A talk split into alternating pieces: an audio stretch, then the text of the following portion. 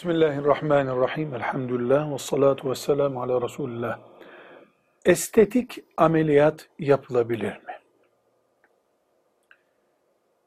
Veya plastik cerrahinin yaptığı tedavi caiz midir? İki çizgi çiziyoruz.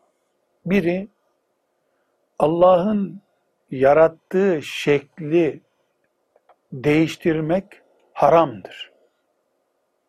İkinci çizgi tıbbın imkanlarıyla tedavi olmak caizdir. Hatta Allah'ın emridir.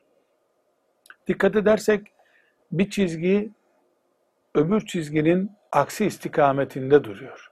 Allah'ın yarattığını değiştirmek diyoruz. Buna haram dedik. Allah'ın yarattığı bedende tıbbi müdahaleyle tedavi yapmak gereklidir. Hatta farzdır yer yer diyoruz.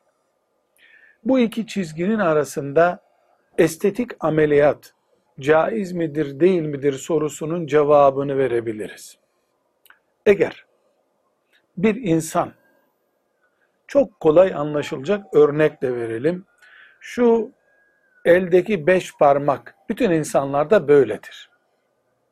Bunlardan bir tanesini kaldırmak, şu şekilde dört parmaklı hale gelmek gibi bir işlem yaptırıyorsa, Allah'ın yarattığı beş parmaklı el şeklini bozuyor demektir. Bu yaptığı haramdır.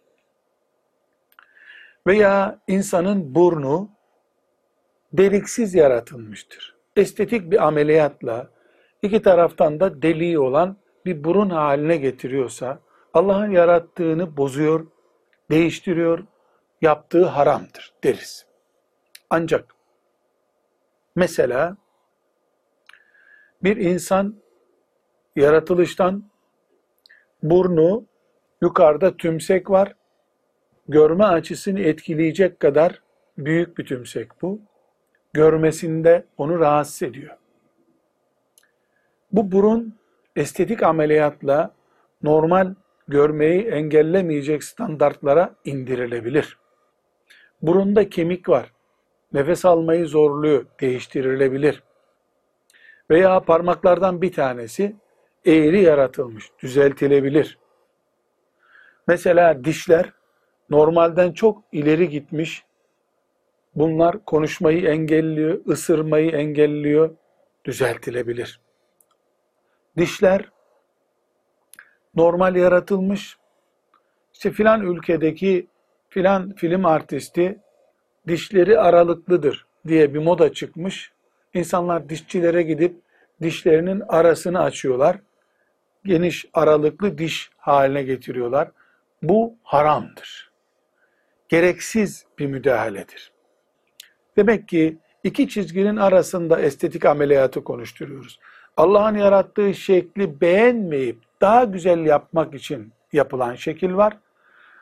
İnsanın başına gelmiş bir musibet var ya da yaratılıştan e, normal insan anatomisinin farklı bir şekilde ortaya çıkmış bir yaratılış tarzı var. Buna müdahale edilebilir. Midesi ağrının mide ameliyatı olmasının caiz olduğu gibi herhangi bir şekilde yanağında büyük bir çıban gibi duran bir nesne, bir çıkıntı olan birisinin de ameliyatla onu aldırması caizdir. Demek ki estetik ameliyatta yanmadan, kazadan veya yaratılışta normalde olmayan sonradan çıkmış şeylerden kaynaklanan olayları, nesneleri düzeltmek başka şey.